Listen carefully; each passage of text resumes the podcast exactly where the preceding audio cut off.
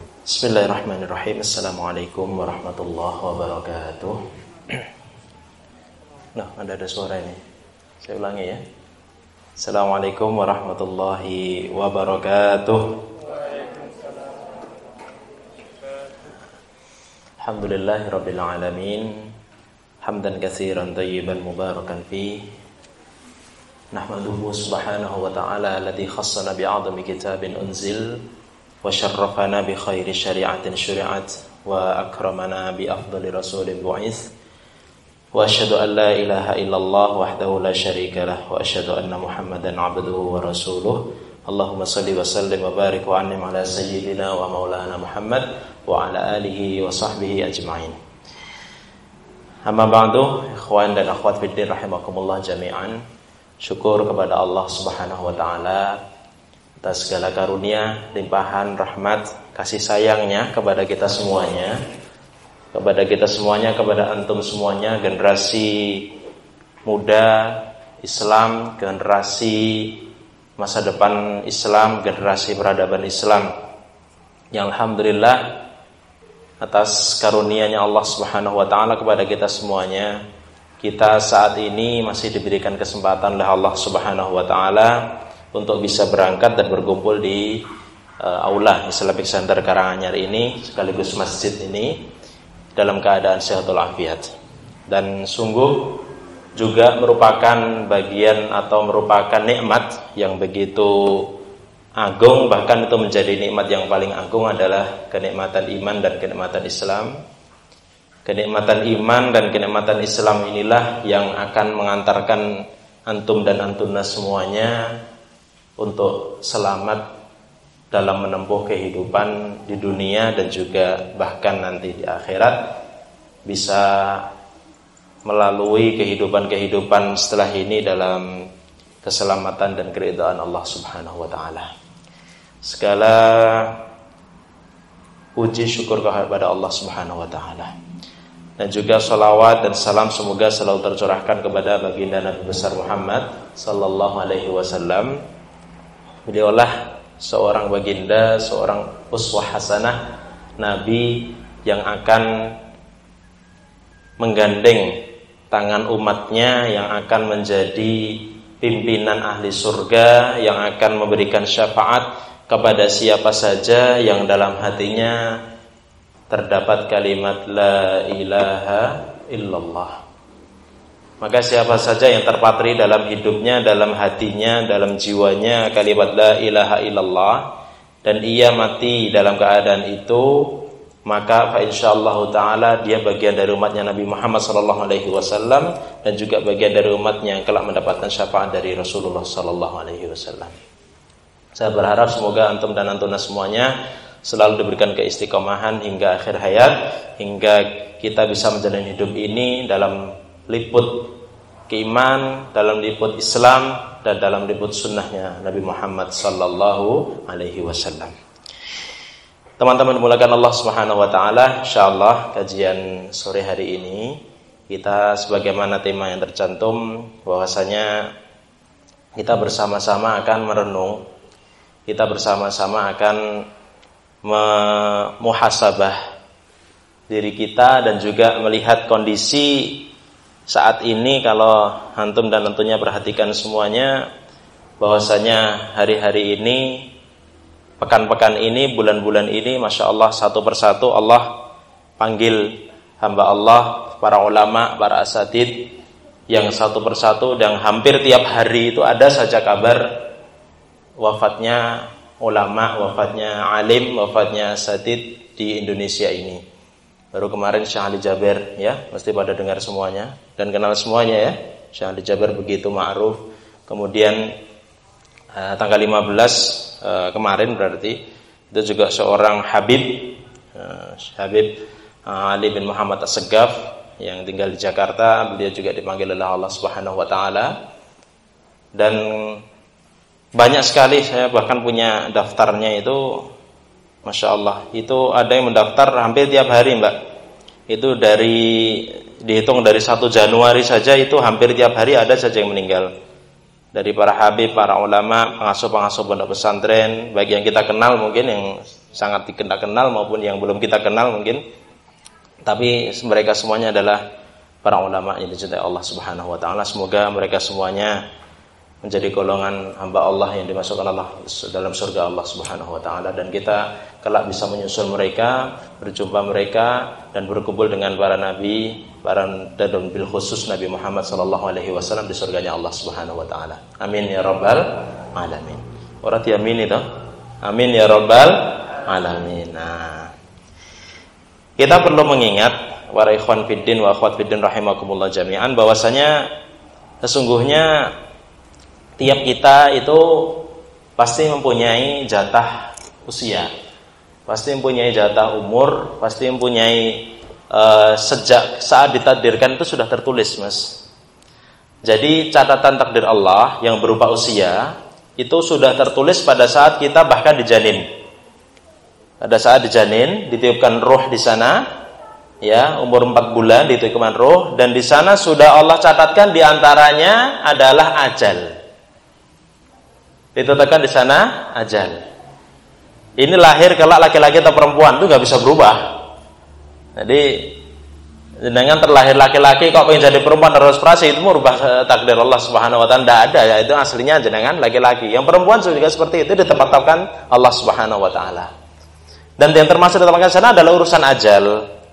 Yang di mana berarti pada saat kita lahir di dunia ini itu sudah tertetapkan jadi kita tinggal hitung mundur. Sungguh saya punya jatah sekian tahun gitu ya. Nah, saat ini sudah e, berapa tahun? 20-an tahun lebih saya hidup di dunia ini dan masih berapa tahun. Jenengan juga punya usia. Jatah usianya masing-masing berbeda-beda. Ya, berbeda-beda. Lah hanya saja Jatah usia ini tidak ada satupun kita yang mengetahuinya. Ada yang mengetahui di sini? Kalau mengetahui kan enak. Itu kayak hitung mundur kita ada jam mana ya nggak kelihatan ikhwannya. Nah ini jam ini kalau uh, tiba waktu asar jam 15.13 kemudian iqamat kan ada waktu mundur itu 15 menit misalnya 15 nanti turun ke 14 turun ke 13 turun ke 12 jam-jam di masjid kan seperti itu Nah, kurang lebih kalau seakan-akan jatah usia kita itu mau dibuat digital misalnya gitu ya. Itu juga seperti itu kurang lebih. Hanya saja kalau ikomat atau waktu yang kita dapati di situ itu jelas, wah kalau ikomat eh, 10 menit lagi nih, kalau 10 menit kira-kira kalau saya itu mau ke kamar mandi dan wudhu, berarti nanti balik ke masjid masih bisa sholat sunnah itu terukur ya kamar mandi misalnya 2-3 menit wudhu 1 menit sampai 2 menit 5 menit kemudian masih 5 menit masih longgar. Dan kalau sudah tinggal 2 menit 1-1 menit bahkan itu sudah mendekati komat. Biasanya kita wah udah hampir habis nih. Kita tidak menunaikan sholat uh, sunnah sebelum sholat karena sudah akan waktunya uh, sholat fardu atau sholat wajib atau ikomat akan ditegakkan. Nah begitulah kira-kira gambaran bahwasanya usia kita itu sungguhnya adalah usia yang hitung mundur. Ya, usia hitung mundur. Berarti kalau kita punya jatah usia 30 tahun dan banyak sekali yang 30 tahun memang jatah usia 30 tahun. Tetangga saya itu, Mbak, dia Nasrani sebenarnya, tetapi kita ambil ibrohnya saja eh, apa bahwasanya dia masih sangat muda waktu itu kuliah di uh, eh, SMK-nya kalau tidak salah di yang mesin Solo itu loh Mas, Atmi. Ya, Atmi kemudian sempat kuliah di sana dan bekerja di sana. Anaknya pinter. Kemudian kurang lebih usia 28 gitulah itu menikah dan baru menikah itu kurang lebih 2 sampai 3 bulan. Jadi masih ya romantis-romantisnya gitu ya ya, masih manten-manten baru, manyar, manten anyar. Nah, itu tiga bulan, Mbak. Dan kemudian kondisinya sehat walafiat. Kerja, berangkat kerja, aktivitas tuh karena dia itu juga punya rumah di Klaten gitu. Dan apa sering bolak-balik ke Palur, mas saya di Palur, itu tetangga depan rumah itu. Sehat-sehat terakhir ketemu juga kalau pagi itu kebiasaannya pagi kemudian sekitar jam 6 setengah setengah 7 nyetar termotor manasin nanti jam 7 kurang sedikit berangkat kerja sampai tempat kerja sekitar setengah 8 jam 8 mulai kerja. Tiap hari seperti itu kurang lebih. Sehat. Tetapi kemudian pada suatu malam pulang dia sekitar waktu maghrib. Pada saat perjalanan pulang karena rumahnya daerah Kelaten kan Atmi itu daerah Kartasura ya Nah, daerah situlah daerah uh, Solo yang arah ke sana itu. Sehingga kalau pulang kan harus lewat jalan Solo Jogja itu. Solo Jogja kalau sore malam gitu kan bis truk kan banyak sekali. Nah, di sana kemudian dari naik motor dan pada saat perjalanan naik motor itu kesenggol salah satu motor besar, mobil besar, bis kalau tidak salah itu langsung jatuh dan dilarikan ke rumah sakit. Pada saat dilarikan ke rumah sakit ternyata nggak nyanda. Nggak nyanda itu karena pendarahan cukup banyak dan saat malam itu juga wafat ya. Usia sangat muda. Usia masih sangat belia. Masih itu itu coro apa ya? Uh, ibu yang bimbing anaknya itu coranya baru mentas kan gitu.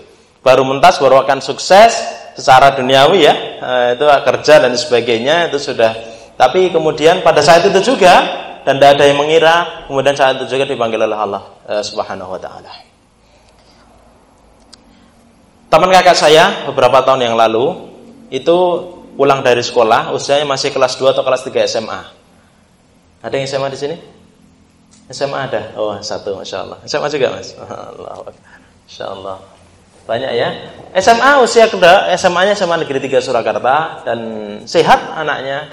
Pulang naik motor dan pada saat malam-malam hari kemudian dia nabrak pohon dan pohonnya itu di salah satu pohon di Solo gitu. Pohonnya mungkin juga masih ada itu kemudian saat itu juga malam itu juga tidak lama dibawa ke rumah sakit dan saat itu juga meninggal dunia. Nah, ini menunjukkan apa? Bahwasanya jatah usia itu pasti dan namanya ajal itu pasti. Ya, di Quran Allah berkali-kali ulangi dengan ayat yang sangat ma'ruf yaitu kullu nafsin da'iqatul maut. Setiap jiwa, setiap yang bernyawa itu pasti akan merasakan yang namanya al-maut. Dan yang namanya ajal, yang namanya waktu kematian kita. Maka, masya Allah di sini sekaligus mengingatkan kita pada sabda Nabi Shallallahu Alaihi Wasallam bahwa sebaik-baik nasihat, sebaik-baik pemberi nasihat, sebaik-baik pemberi wejangan, maka adalah aksirud dzikra minal maut perbanyaklah dalam mengingat mati. Karena yang namanya ajal, yang namanya mau tidak kenal. Itu tadi muda maupun tua, sehat, sakit, covid atau non covid. Ya. Walaupun sekarang oh ya banyak yang meninggal covid gitu ya. Enggak eh, covid, covid kan ya banyak kasusnya. Tapi entah apa pun kondisinya, yang kalau sudah namanya ajal, masya Allah, tidak akan bisa diakhirkan balang sedetik pun. Ya, Barang sedetik pun tidak bisa diakhirkan. Mau protes malaikat, bojo saiki, saya masih pengen beramal, ya tidak bisa. Coba yang bawa mushaf dibuka, ya, yang HP-nya ada mushaf, saya bukakan ayatnya. Nah, ya silakan buka nafas, ya. saya tunjukkan uh, ayatnya yang menunjukkan itu. Ada tiga ayat yang salah satunya di surat Al-A'raf ayat ke-34. Silakan yang punya uh, atau mesti mushaf ada sih mushaf. Ada kan? Mushaf di e, eh, HP Quran Quran. Ada semua? Ya kalau Android ada Quran Android itu. Kalau yang pakai iPhone ada e, judulnya Quran juga bagus. Silakan buka surat Al-A'raf. Ayatnya yang ke-34 nah catat itu ya. Nah, coba ini buka mushafnya. Nah. Ayat 34 kalau halamannya halaman standarnya 154 apa di situ? Sudah dapat? Ya. Coba kita baca ya bareng-bareng satu ayat ini. Kita baca dengan ta'awud, dengan basmalah dan juga kita baca bersama-sama. Monggo saya bersama saya dengan ta'awud dulu. Wahid, isnan, salasah. A'udzu billahi minasyaitonir rajim. Bareng-bareng. A'udzu billahi minasyaitonir rajim ayat akhwat belum ada suaranya basmalah Bismillah Ya, ya bareng wahid dan selasa. Walikulli ummatin ajal فإذا جاء أجلهم لا يستأخرون ساعة ولا يس ممتاز إن شاء الله walikulli ummatin ajal dan tiap umat umat ini kita bagian dari umat umat itu adalah diartikan bisa sekelompok manusia, sekelompok orang yang hidup dalam zaman tertentu, di waktu tertentu, di tempat tertentu. Walikulli ummatin ajal dan tiap umat kita juga bagian dari umat mempunyai ajalnya masing-masing. Faida jaa ajaluhum kalau kemudian datang ajal mereka ya kalau sudah datang waktu ajal mereka barang apa keterangan Allah Subhanahu wa taala la yastakhirun mereka tidak bisa istakhara itu dari kata bahasa Arabnya akar katanya dari akhara, mengakhirkan. Istakhara meminta diakhirkan. Gitu Mas. Karena kata ada ada akar katanya akhara kan? Akhara itu akhir, diakhirkan. Kalau ada tambahan sin istakhara yastakhiru minta untuk diakhirkan. La yastakhiruna sa'atan, mereka tidak bisa minta untuk diakhirkan. Sa'atan barang sebentar pun sa'ah itu bisa diartikan banyak kalau arti dalam bahasa Arabnya. Sa'ah nanti bisa diartikan hari kiamat, sa'ah bisa diartikan jam, satu jam, sa'ah bisa diartikan waktu. Ya, la yastakhiruna sa'ah, dia mereka tidak bisa meminta diakhirkan barang sedetik pun, barang satu jam pun, barang satu bulan pun. Wala yastaqdimun dan juga tidak bisa di lawannya. Kalau diakhirkan adalah lawannya adalah dimajukan. Istakdama untuk minta dimajukan, dicepet nih. Tidak bisa. Itulah misteri ajal itu di situ, masya Allah. Setiap kita punya jatah, jenengan tidak tahu 30 tahun ataukah 40 tahun ataukah 50 tahun ataukah 60 tahun 70 tahun ataukah 100 tahun. Wallahu a'lam. Tidak ada yang tahu ya. Tidak ada yang tahu. Terkait ayat ini ada di surat Luqman. Dari Al-A'raf ya. Buka surat Luqman. Luqman buka surat Luqman dulu ya surat Luqman itu ayatnya yang terakhir sama-sama ayat 34. Nah, surat Luqman yang terakhir. Ya, saya bacakan saja. Yang di mana di situ Allah jelaskan Bismillahirrahmanirrahim. Innallaha 'indahu 'ilmus sa'ah. Sesungguhnya Allah yang memiliki ilmu tentang hari kiamat itu, wa yunazzilul ghaitha wa ya'lamu ma fil arham. Dan yang menurunkan al-ghaith itu hujan wa ya'lamu ma fil arham dan yang mengetahui tentang apa yang di dalam rahim manusia, rahim wanita. Laki-laki nggak punya rahim ya, makanya rahim wanita. Apa yang di dalamnya yang sedang mengandung, apa yang di dalam itu Allah Maha mengetahui. Wa ma tadri kemudian wa ma tadri nafsum ma taksibu dan kemudian tiap jiwa tidak mengetahui apa yang akan terjadi pada esok hari. Esok hari adalah yang gaib. Nggak tahu apa yang terjadi besok. Dengan rencanakan besok mau ngapain bisa berubah itu. Manusia hanya berencana, tetapi Allah yang mau mengetahui dan kita kita tidak mengetahui apa yang sebenarnya terjadi esok hari. Rencana futsal, yuk bareng-bareng esok futsal jam 8 esok, mbok hari Ahad. Kok delalah eh, jam 7 udan deres. Pas udan kok mati. Masya Allah, cek. Nah. Udan Ah, Semangat semangatnya udah nih. eh, ganti mas, sedang diperbaiki mungkin. Ya. Masya Allah. Pas ngomong udan, cek tes ya. Pas, kok beda ya? Ya sudah apa? Dengar ya, akhwat ya, pojok. Masih dengar. Sampai mana tadi? Udan. Mas udan, kita harus udan. ya, jam 8 ada rencana futsal yang ikhwan. Lah kok delalah utang terus. Durung pesen lapangannya sih san. Hmm, gitu.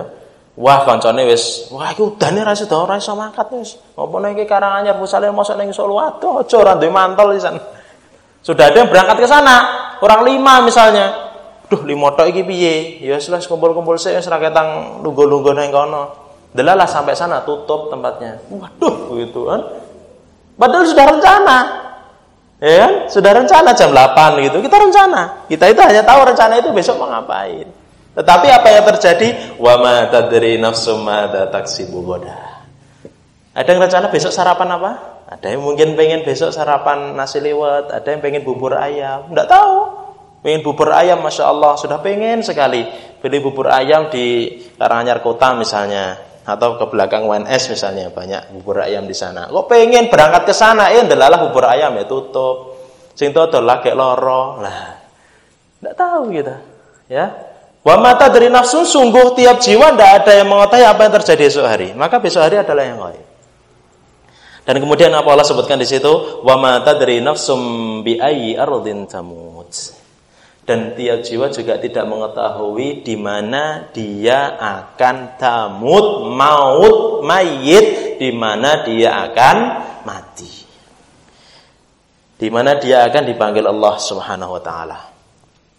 Di mana kapan dan bagaimana kalau kita jabarkan nanti. Tiga pertanyaan itu.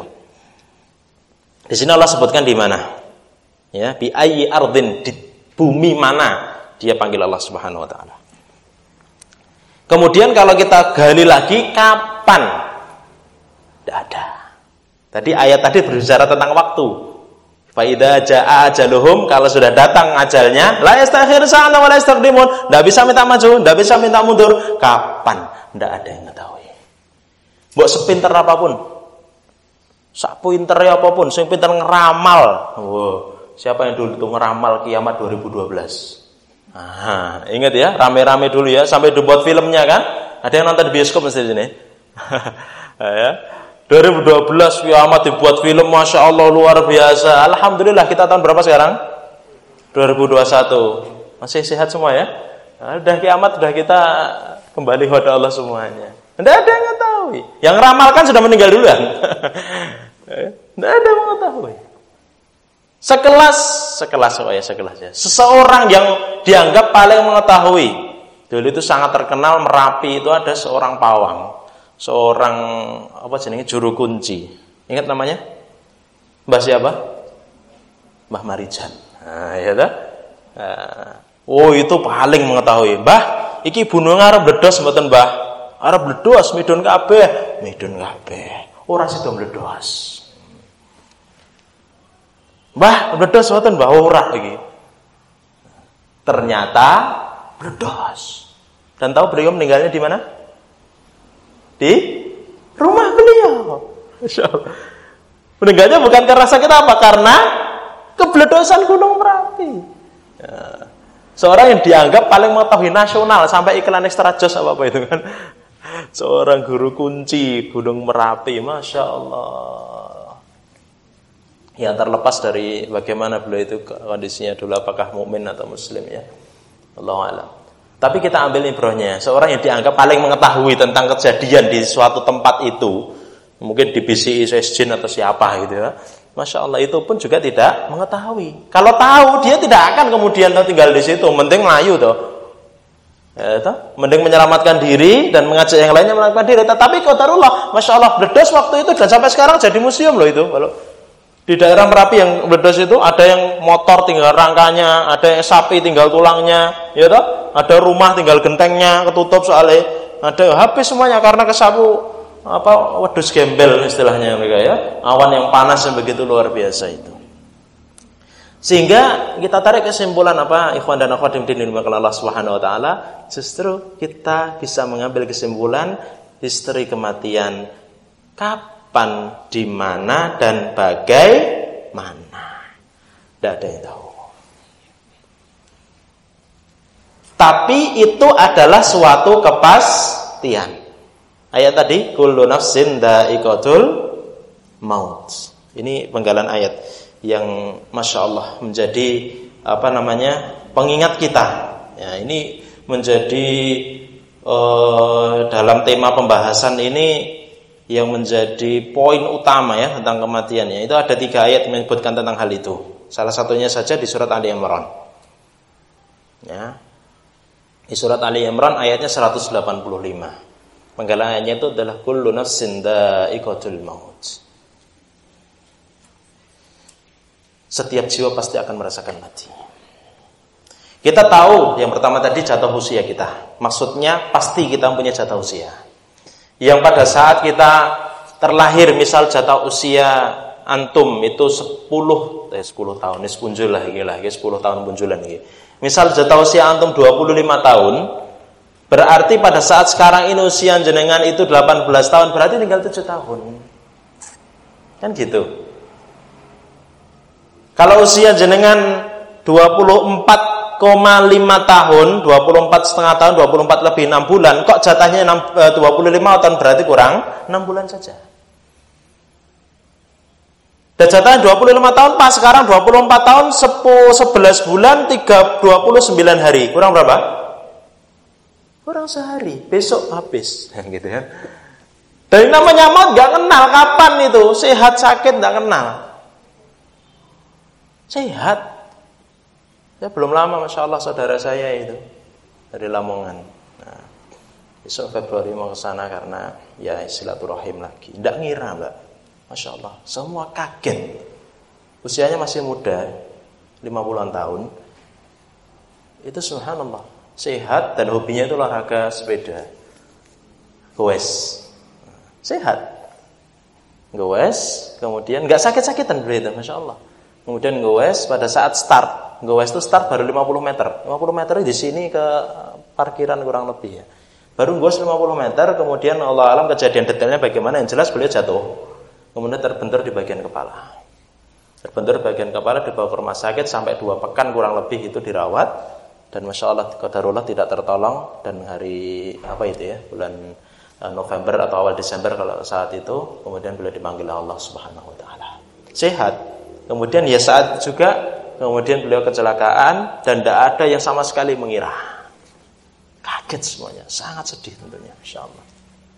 Ya, nah inilah yang pertama kita ambil pelajaran bahwasanya kita pasti akan merasakan maut hanya saja kapan, di mana dan apa tadi? Ayo tiga poin bareng-bareng. Yang pertama apa? K. Yang kedua? Yang tiga? Bagaimana? Ini adalah suatu misteri. Apa sih yang bisa menentukan itu menjadi baik? Masalahnya dalam menjalani atau dalam menghadapi tiga misteri kematian ini kita tidak mengetahui apakah dalam akhir hayat kita itu diwafatkan dalam keadaan baik. Kapan? Apakah pada saat kita sedang puncak-puncaknya iman? Apakah pada saat kita itu masih dalam keadaan istiqomah dalam sholat kita? Ataukah kita itu dalam keadaan masih menjaga ibadah kita? Masih menjaga ngaji kita. Sehingga pada saat akhir hidup kita masya Allah innamal a'mal bil khawatim. Im amal itu nanti bisa ditentukan di akhir hidupnya. Makanya pentingnya istiqomah. Kenapa doa yang diajarkan oleh Allah Subhanahu wa taala? Doa yang pertama. Doa yang urutan pertama. Coba jenengan simak di mushaf Al-Qur'an.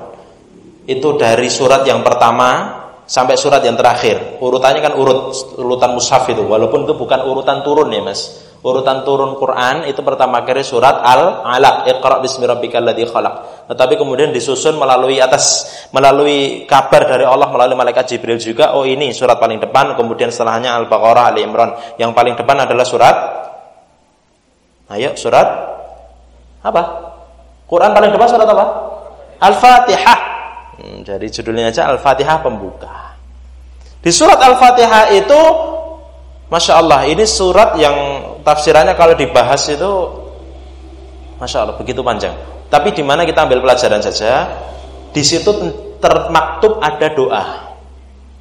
Surat Fatihah Itu Masya Allah Di sana ada unsur tauhid Mentauhidkan Allah subhanahu wa ta'ala Baik itu tauhid rububiyah, uluhiyah, asma sifat mengagungkan Allah Subhanahu wa taala dari bismillahirrahmanirrahim alhamdulillahirabbil alamin arrahmanirrahim maliki yaumiddin itu semuanya adalah bentuk pengagungan kepada Allah Subhanahu wa taala Iyyaka na'budu wa iyyaka nasta'in pengakuan kita sebagai hamba Allah Subhanahu wa taala Kemudian setelah itu adalah apa? Iyyaka na'budu wa iyyaka nasta'in setelahnya ihdinas siratal mustaqim Doa. Jangan dikira apa itu. Ihdinas siratal mustaqim itu doa. Ya Allah berikan kami petunjuk, berikan hidayah kepada kami untuk menempuh jalanmu as-siratal mustaqim, jalanmu yang lurus. Ini ada hikmah. Orang ulama menjelaskan apa sih kenapa Allah Subhanahu wa taala doa yang pertama kali diajarkan kepada kita. Hamba Allah Subhanahu wa taala, doa yang pertama kali Allah ajarkan kepada kita dan Allah yang paling mengetahui tentang kondisi kita. Bismillah adalah doa untuk minta hidayah. Dan itu doa yang selalu terulang-ulang. Sadar tidak sadar, itu doa yang paling sering, paling banyak jenengan baca. Ya enggak? Sholat aja, setelah sholat dia bisanya doa orang tua ya. Rabbi firli wali walidayya, jangan lupa itu mas warhamhum rabbayani saghira. Kemudian doa sapu jagat yang paling apa doa kebaikan dunia akhirat atau orang kita menyebutnya sapu jagat karena itu satu doa yang mencakup semuanya. Rabbana atina fid dunya hasanah wa fil akhirati hasanah wa qina adzabannar. Sekali dalam salat salat kan? Tetapi ihdinas siratal mustaqim jenengan salat asar tadi berapa kali baca? Hah? Empat kali baca. Ada yang dua kali baca tadi? Ihdinas siratal mustaqim. Silakan ulangi salatnya. Karena rakaat yang tanpa jenengan baca Al-Fatihah suratnya tidak sah karena Al-Fatihah adalah rukun solat kalau bahasan fikihnya seperti itu. Rukun itu bagian tidak terpisahkan. Jadi harus ya, harus jenengan Allahu Akbar. Kalau solat sir, sir itu duhur asar itu ya. Imam tidak baca jahar, maka kita wajib baca Al-Fatihah. Imam makmum wajib. Solat sendiri apalagi itu wajib. Bismillahirrahmanirrahim. Alhamdulillahi rabbil alamin. Ya, jangan dibatin, bukan ilmu kebatinan salat itu. Nah, ini sedikit saya singgung masalah fikih ini karena banyak Allahu akbar. Allahu akbar. Maca apa, Mas? Al-Fatihah. Wis maca. Wis to. Wis tak batin. Ndak jangan dibatin. Nah, ini kayak kayak mesti ayo. Ngaku ndak. ya, jangan dibatin. Baca itu yusmi'u nafsahu. Dia itu mendengarkan dirinya sendiri. Bismillahirrahmanirrahim. Alhamdulillahirabbil alamin. Arrahmanirrahim. Maliki yaumiddin. Iyyaka na'budu wa iyyaka nasta'in. Itu Mas terdengar. Jadi kayak Jawa-cara Jawa ini lah umat kamit gitu lah. Ya, umat kamit bukan dukun, umat kamit untuk membaca Quran. Wajib dibaca pada saat sholat. Ya, wes nanti itu masalah fikih ya. Nah, kita ambil ibrahnya pelajarannya dari ini saja. Wajib kita baca. Berarti ini paling banyak. Doa ihdinas siratal mustaqim itu doa paling banyak kita doakan kepada Allah Subhanahu wa taala melalui salat kita. Kenapa ini doa? Ihdinas siratal mustaqim, ya Allah berikan kami petunjuk, berikan kami hidayah untuk menempuh jalan yang lurus. Bagi orang yang belum mendapatkan hidayah, perlu hidayah. Tetapi kenapa doa ini wajib tetap wajib kita baca? Baik orang yang soleh maupun orang yang awam, baik orang yang derajatnya sudah para solehin, para syuhada, kalau sholat tetap wajib Al-Fatihah. Baik orang yang sudah bertabur iman dan ilmu dalam kehidupannya, tetap baca. Baik orang yang sudah ngaji belum ngaji, ihdinas siratal mustaqim. Salah satu hikmahnya apa? Bahwasanya jenengan saat ini sudah saat ini alhamdulillah diberikan kemudahan Allah Subhanahu wa taala untuk bisa yang sudah bisa menjaga sholatnya Agar apa? Agar dijaga imannya ini, hidayah ini, agar kita selalu bisa istiqomah dalam keadaan as-siratal mustaqim. Itu hikmahnya. Kenapa tetap kita doakan ini? Kita kita karena agar Allah selalu membimbing kita.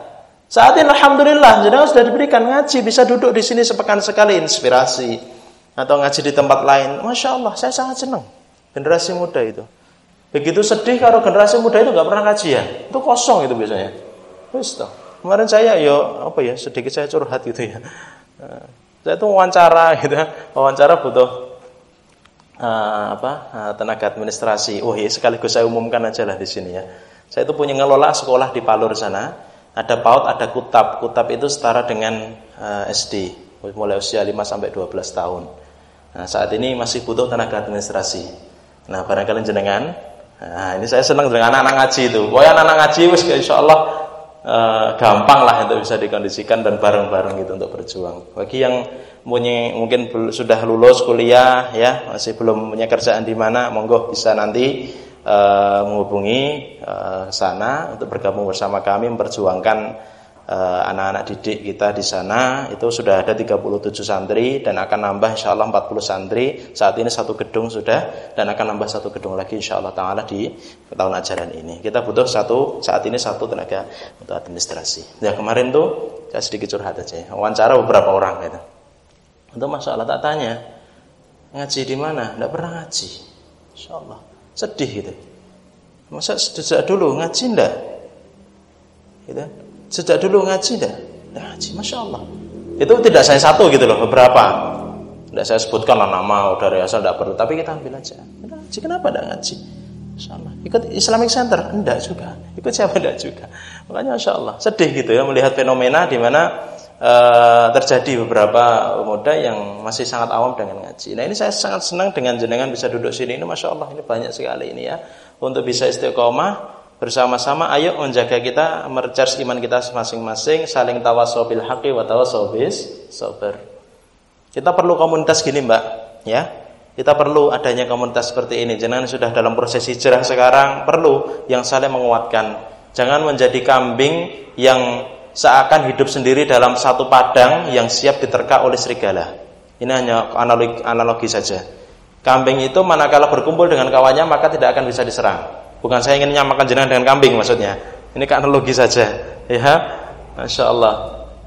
Tapi kambing itu manakala dia itu bergerombolan atau tidak hanya kambing lah, ya, zebra atau apa pun itu, maka pemangsa akan mikir. Tetapi kalau sendiri saja, maka pemangsa itu sudah akan mengincar. Maksudnya apa? Jangan dalam proses berhijrah jangan sendiri. Ayo ada komunitas yang komunitas seperti ini. Ya Islamic Center, ada di komunitas di mana monggo itu untuk saling menguatkan satu sama lain. Oh kok ada anu saling ngajak dalam pengajian itu masya Allah.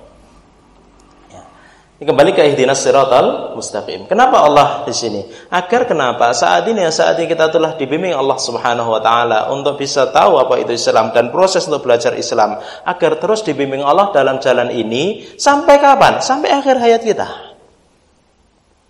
Sampai akhir hayat kita.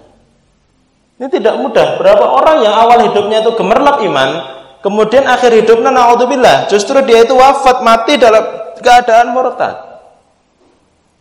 Allah banyak tunjukkan dalam lembaran sejarah kehidupan manusia itu awalnya hidup beriman, awalnya hidup baik, kemudian berubah, masya Allah terbawa dengan godaan duniawi yang hanya sementara saja, wafat dalam keadaan yang dimurkai Allah Subhanahu Wa Taala.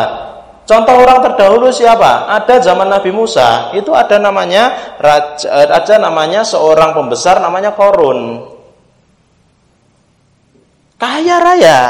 Zaman awal hidupnya dia itu bersama Nabi Musa, beriman sama Nabi Musa, ikut sama Nabi Musa. Kemudian Allah uji dia, kemudian dengan gelimang harta yang luar biasa, masya Allah. Dia pada saat ditanya dari mana ini korun, dia berkata Innama utituhu ala ilmin indi. Aku dapat ini semuanya karena kepintaranku, karena kecerdasanku. Aku sugih diki. Sombong, lupa pada Allah Subhanahu wa taala. Masya Allah. Kayaknya luar biasa. Kuncinya korun, kunci hartanya itu saja. Itu kuncinya loh, bukan hartanya loh ya. Kuncinya saja itu dibawa oleh orang-orang terkuat pada saat itu. Saking dan mereka pun keberatan bawa kunci-kuncinya korun itu. Saking akeh. Kuncinya loh. Dulu belum ada ATM soalnya. ada ATM itu enteng gitu. Nah, dulu harta-harta segempok emas dalam peti gitu loh ya, perak, dinar, eh, apa namanya, harta-harta berlian, emas dan lain dalam peti disimpan-simpan. Kunci-kunci saja itu memberatkan. Masya Allah. Kemudian dengan gemerlap harta itu, dia itu lupa kepada Allah, tidak ikut kembali dengan Nabi Musa alaihissalam. Akhir hidupnya apa? dia terbalik kemudian 180 derajat Allah murka kepadanya ditenggelamkanlah korun dia bersama harta-hartanya Oke, sekarang banyak orang yang mengira menemu harta di terbenam di muka bumi adalah harta harta karun, harta korun itu ada kaitannya gitu ya.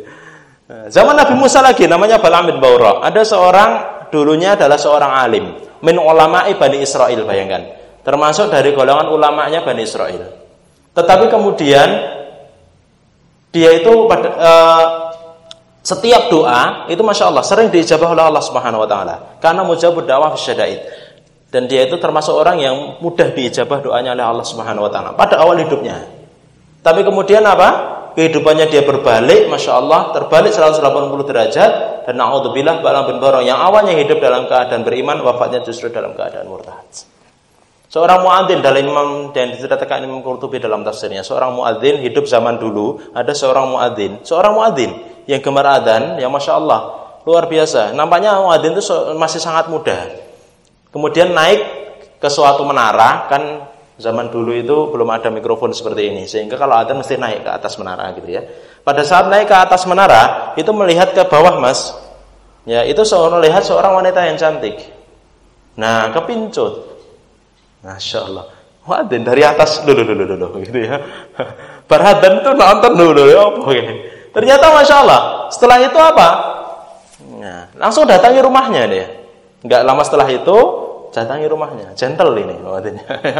datangi ke rumahnya, sampaikan maksudnya. Masya Allah, wis rasa nggak babi bu, rasa nggak basa basi, Bismillah. Gitu ya. Datang ke rumahnya, kenapa? Aku ingin menikahi engkau, wahai putri. Oh, tidak bisa katanya. Loh kenapa ndak bisa? Aku ini bukan muslim, aku ini Nasrani sedangkan engkau adalah muslim. Loh gimana caranya agar aku bisa menikahimu? Oh caranya engkau akan masuk agamaku, kemudian kalau kamu masuk agamaku, kau bisa menikahiku. Akhirnya apa mbak? Masya Allah, seakan-akan tersilokan semua yang ada di hatinya itu, tersilokan dengan cantiknya seorang wanita. Masya Allah, maka fitnah terbesar bagi laki-laki itu adalah wanita. Itu disebutkan oleh Rasulullah. Asyadun asyadul fitnah 'ala rijal nisa. Fitnah yang paling besar bagi seorang laki-laki adalah seorang wanita. Dalam kisah ini kemudian dia itu masuk agamanya dan dia murtad dari Islam. Masya Allah. Demi menikahi seorang wanita yang sangat dia kemudian membuat dia itu gonjang-ganjing luar biasa. Akhirnya masuk dan nikah dengan wanita dalam keadaan murtad. Di hari pada saat dia ingin mencampur istrinya, dia itu menderin genting gitu ya. Gentingnya nampaknya waktu itu sedang bocor gitu. Menderin genting ke atas, pada saat naik ke atas rumahnya, pada saat itu dia itu jatuh dari atas rumah dan jatuh ke lantai dan saat itu mati waktu itu juga. Belum sempat mencampur istrinya yang membuat dia itu murtad dari agama Allah Subhanahu wa taala. Masya Allah. Siapa yang menjamin iman kita? Ada yang menjamin. Itu kenapa doa yang diajarkan Allah Taala adalah ihdinas siratal mustaqim. Agar terus pada saat Allah saat ini sudah bimbing dalam kebaikan, minta terus pada Allah agar selalu dibimbing kekuatan hati kita ini. Hati kita ini masya Allah namanya kolbun. Kolbun itu yang artinya berbolak balik. Hati itu bisa berbolak balik. Makanya selalu minta sabat Allah ya muqallibal qulub sabit qalbi ala dinik. Ya wahai yang membolak balikkan hati, kuatkan hati kami dalam kebenaran, hal di atas agamamu ya Allah agar selalu dijaga oleh Allah Subhanahu wa taala. Ada kisah yang sebaliknya. Tadi tadi gemerlap iman pada masa hidupnya kemudian akhirnya seperti itu. Ada masya Allah yang Allah juga tunjukkan waktu itu seorang sahabat zaman Nabi Shallallahu Alaihi Wasallam ya seorang sahabat ini namanya Al Usairim Al Usairim bin Abdul Ashhal dari baninya namanya kaumnya Bani Abdul Ashhal itu pada saat didakwahi oleh sahabat Nabi Shallallahu Alaihi Wasallam semua kaumnya masuk Islam kecuali ini namanya Usairim belum masuk Islam. Baru di tahun yang ketiga hijriah ketiga hijriah itu setelah tiga tahun Nabi itu eh, apa namanya hijrah ke Madinah. Kemudian Usairim datang ke Madinah ditemui oleh saudarinya yang sudah masuk Islam dulu. Kenapa Usairim kau ke sini? Aku ingin ketemu Nabi. Oh Nabi tidak di sini. Nabi baru keluar ke Uhud. Uhud, daerah Uhud. Karena apa? Untuk berjihad melawan orang-orang kafir yang akan menyerang Madinah. Loh kamu mau apa wahai Usairim? Aku mau masuk Islam. Ya wes kalau gitu syahadat sini dulu. Syahadat sini dulu baru itu susul Nabi sallallahu alaihi wasallam. Akhirnya bersyahadat asyhadu an la ilaha illallah wa asyhadu anna Muhammadar Rasulullah. Mau apa? Ya udah Usairim susul Nabi.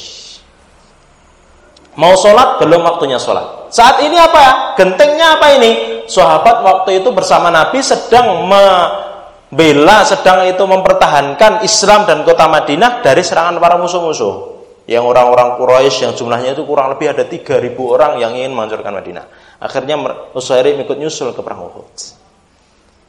Dan sudah membawa kudanya, membawa pedangnya, berangkatlah ke sana dengan begitu gagah berani langsung gabung dalam barisan Nabi karena saat itu genting kalau sudah diserang gitu maka semuanya wajib untuk keluar akhirnya Usairim ikut berperang dan Qadarullah dalam perang itu kemudian Usairim itu terbunuh. Para sahabat kaget. Masya Allah ini Usairim lu kemarin belum masuk Islam. Kok ini sekarang ikut berjihad? Bertanya-tanyalah para sahabat. Sampai mereka bertanya kepada Nabi Shallallahu Alaihi Wasallam wahai Nabi gimana ini Usairim apa kata Rasulullah Shallallahu Alaihi Wasallam? Amila qalilan wa rabiha katsiran.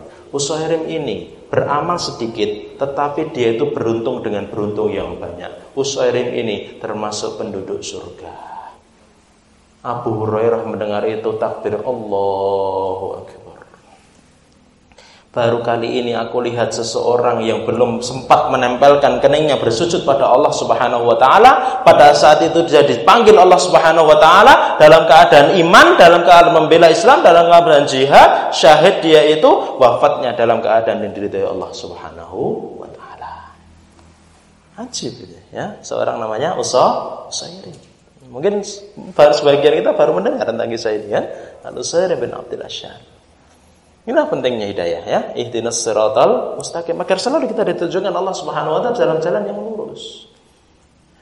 Kembali ke tema kita bahwasanya karena hidup kita itu singkat, kita tidak mengetahui kapan kita dipanggil Allah, di mana kita dipanggil Allah Subhanahu wa taala, apakah di tempat yang bagus, apakah di tempat masjid pada saat ngaji seperti ini, bisa saja, ataukah naudzubillah di tempat-tempat yang dimurkai Allah Subhanahu wa taala. Dulu pada saat Palu itu, Palu itu tsunami gempa itu, ada kan videonya itu. Pada saat mereka joget-joget luar biasa itu. Masya Allah, konser sedang.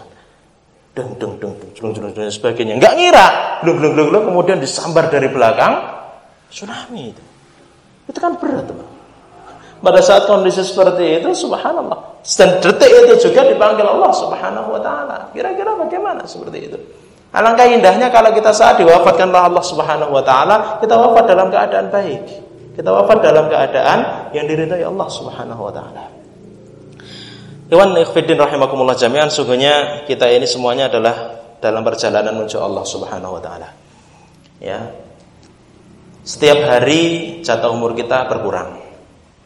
Kalau jenengan mengingat tentang hari ulang tahun misalnya ya, tidak untuk dirayakan misalnya, tapi pada saat tanggal berapa misalnya dengan lahir 10 Agustus oh pada 10 Agustus 2021 ini berarti usia aku nanti 21 tahun misalnya. Itu kalau hitungan usia bertambah tapi sungguh sebenarnya kalau jatah usia kita sedang berkurang. Dan setahun setahun setahun setahun setahun. Al Imam Hasan Al Basri menjelaskan Ya ibnu Adam innaka innama anta ayyam.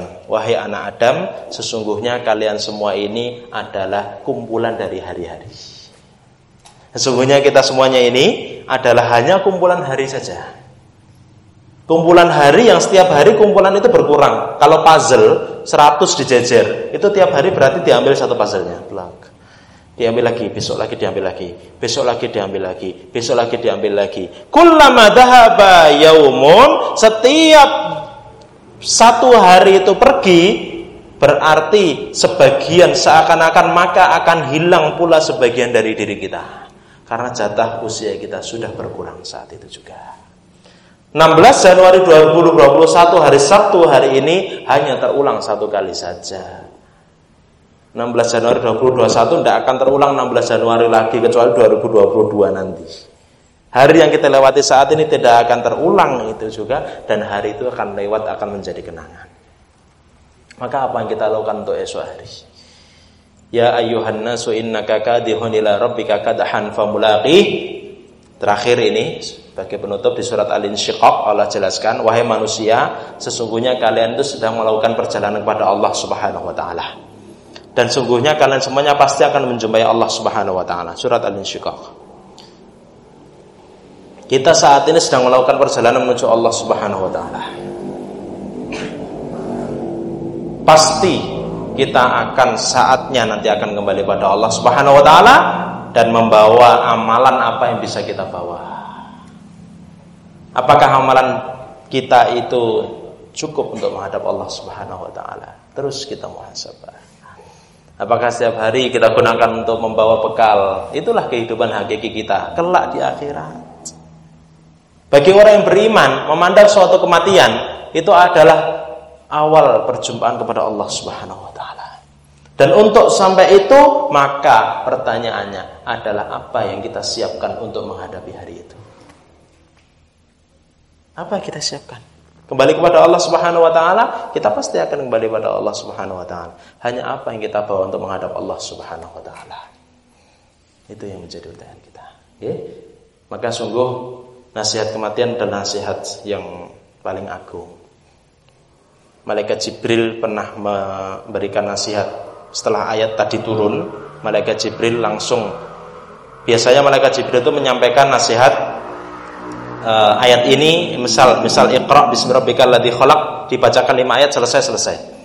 Tetapi pada saat menurunkan ayat ini menyampaikan ayat ini ya ayuhan nasu innaka kadihun ila rabbika kadahan famulaqi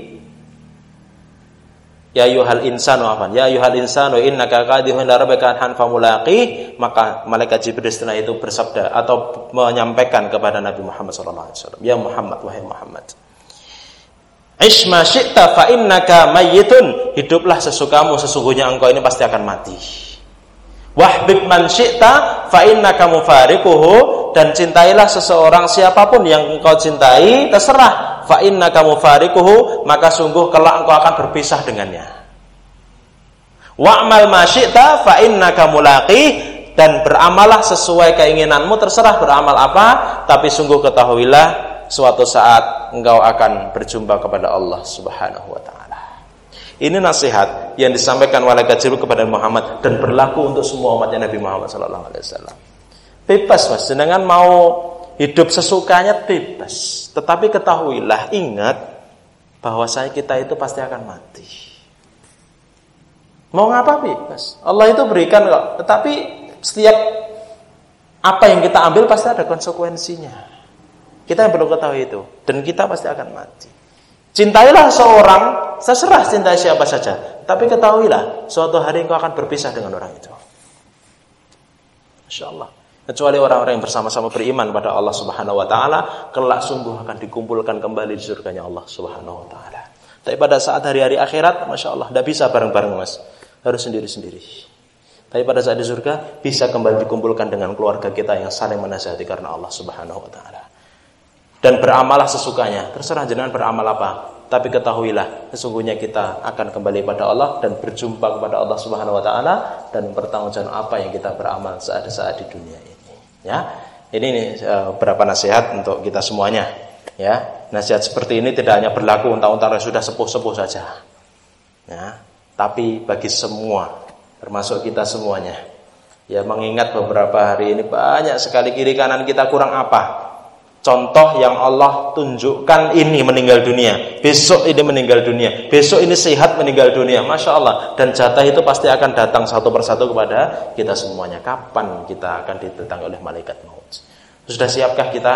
Sudah seberapa jauh sikap kita? Sudah seberapa jauh amalan kita? Gunakan untuk berbekal menghadap Allah subhanahu wa ta'ala Al-Qayyis Orang yang cerdas mandana nafsahu siapa yang selalu mempersiapkan dirinya untuk menghadapi kematian kata Rasulullah sallallahu alaihi wasallam.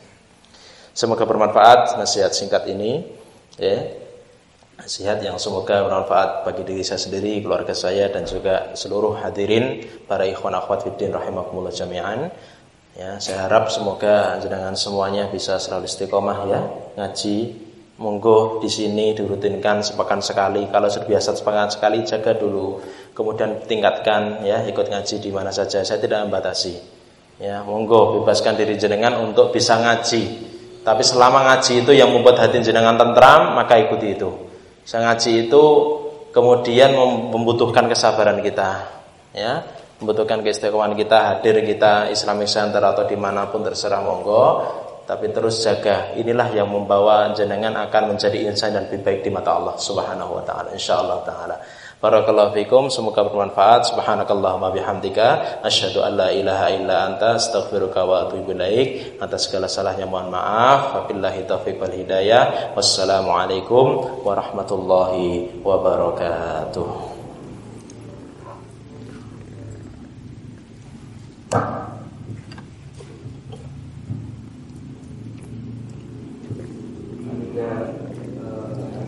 Silakan. Assalamualaikum Ustaz, bagaimana penjelasan mengenai mati suri itu?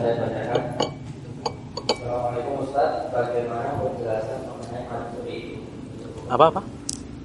Bagaimana penjelasan mengenai mati suri itu? Oh, insyaallah. Baik. Ada pertanyaan lain? Nanti kalau bertanya silakan WA aneh ya. Ada pertanyaan tentang apa yang namanya kan itu mati suri. insyaallah ya. mati suri, mati yang uh, sementara gitu ya. Jadi kalau dalam dunia kedokteran saya pernah mendengar dalam dunia medis memang di mana ada saatnya jantung itu berhenti sejenak. Yang itu sebenarnya itu bukan berhenti untuk selamanya gitu ya. Bukan berhenti kemudian untuk memang wafat memang mati.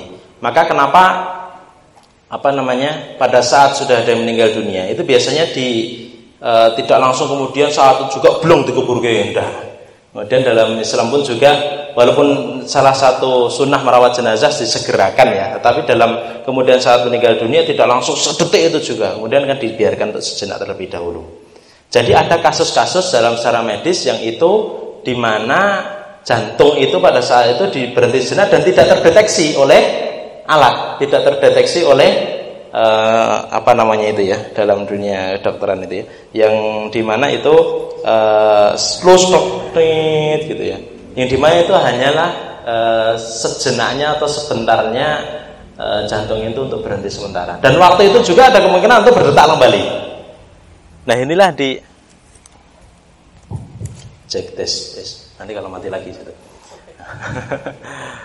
Nah inilah kadang orang yang menganggap sudah meninggal kemudian hidup lagi ya sebenarnya itu dulu meninggal. Dan saya itu pada saat itu berhenti sejenaknya jantung itu, kemudian saat itu juga kembali berdetak kembali dan itu satu kasus yang bisa terjadi. Saya pernah menjelaskan, mendengar penjelasan dari orang dokter dalam medis yang itu pada saat itu bisa terjadi seperti itu. Tapi kemudian kalau dia itu mati sudah sehari dua hari kok ya hidup lagi gitu ya, masya Allah itu Allah alam ya. kok dalam riwayat-riwayat dalam riwayat-riwayat yang saya jumpai belum mendapati kemudian setelah sepekan hidup lagi itu enggak tapi kalau arwahnya tapi kalau arwahnya orang yang beriman arwahnya orang yang beriman bisa mendatangi orang yang masih hidup melalui mimpi atas izin Allah Subhanahu wa taala. Atas izin Allah Subhanahu wa taala arwah orang yang sudah meninggal ini ada riwayatnya kalau ini arwah orang yang sudah meninggal bisa bertemu dengan arwah orang yang masih hidup pada saat mimpi. Itu bisa bertemu atas izin Allah Subhanahu wa taala. Nabi itu bisa menjumpai kita semuanya atas izin Allah Subhanahu wa taala melalui mimpi kita. Bahkan beliau pernah bersabda, "Man ra'ani fil manami faqad ra'ani." Hadisnya sahih dalam Bukhari dan Muslim. Barang siapa melihatku dalam mimpi dan melihat itu adalah Rasulullah, maka sungguh dia telah melihatku dalam mimpi itu karena syaitan tidak bisa menyerupaiku dalam hal itu. Jadi subhanallah, banyak orang-orang yang diberikan karamah oleh Allah Subhanahu wa taala berjumpa dengan Rasulullah sallallahu alaihi wasallam melalui mimpi. Saya pernah menjumpai seorang anak usia masih uh, 8, 9 atau 10 tahun. Masya Allah. Beliau pernah kritis, pernah koma, ya, belum mati ya. Kemudian saat itu ketemu saya pada saat ngaji, pernah cerita dan badannya waktu itu gemetar pada keadaan pingsan. Beliau itu melihat seorang sosok yang berjubah putih tinggi luar biasa. Dan saat itu berkatalah ini adalah Rasulullah Shallallahu Alaihi Wasallam. Orang Seragen masya Allah. Gimana Rasulullah? Waktu itu berbaju putih semua Ustaz. Apa nasihat Rasulullah Shallallahu Alaihi Wasallam? Melalui anak itu. Wahai anakku Jangan pernah sekali-kali tinggalkan sunnah-sunnahku. Ingat sekali itu. Cerita dia itu. Berjumpa Dan itu ada kemungkinan. Dan atas izin Allah Subhanahu wa taala, siapa yang dikehendaki Allah Subhanahu wa taala berjumpa dengan Rasulullah sallallahu alaihi wasallam melalui mimpi itu. Ya, itu kurang lebih ya terkait uh, arwah orang yang sudah meninggal. Uh, kalau terkait mati suri seminggu hidup lagi wallahu alam saya kok belum menjumpai dan kasus sekitar saya seperti itu. Tapi kalau ber, sebentar itu bisa terjadi. Ya, sebentar gitu, berapa menit gitu hidup lagi itu bisa terjadi seperti itu. E, apa namanya? Karena dalam kondisi tertentu jantung yang berhenti sejenak, tetapi sungguhnya itu e, masih ada istilahnya apa saya tidak tahu, tapi saya pernah menjelaskan kurang lebih gambaran besarnya seperti itu. Kemudian berdetak lagi dan sebenarnya kan belum meninggal dunia karena di e, dalam dunia itu pun e, diistirahatkan sebentar, dipersiapkan untuk kemudian nanti dimandikan, dikafankan, disolatkan, baru baru dikubur, kan seperti itu urutannya. Ya, manakala itu kemudian ditakdirkan Allah pada saat berhenti sejenak, kemudian berdetak lagi, berarti dia masih hidup sebenarnya. Ya, tetapi kalau sehari dua hari, Allah alam saya e, belum mengetahui kondisi seperti itu secara medis juga bagaimana, yang di mana kalau secara syariat pun juga belum mendapati riwayat-riwayat orang yang dua hari tiga hari kemudian dari kuburnya itu kira-kira gimana ngeranggeh menah itu Allah alam. Ya kurang lebih seperti itu. Silakan ada pertanyaan lain. Satu lagi atau dua lagi? Ah, langsung saja mungkin saya dengar. Nanti saya tanyakan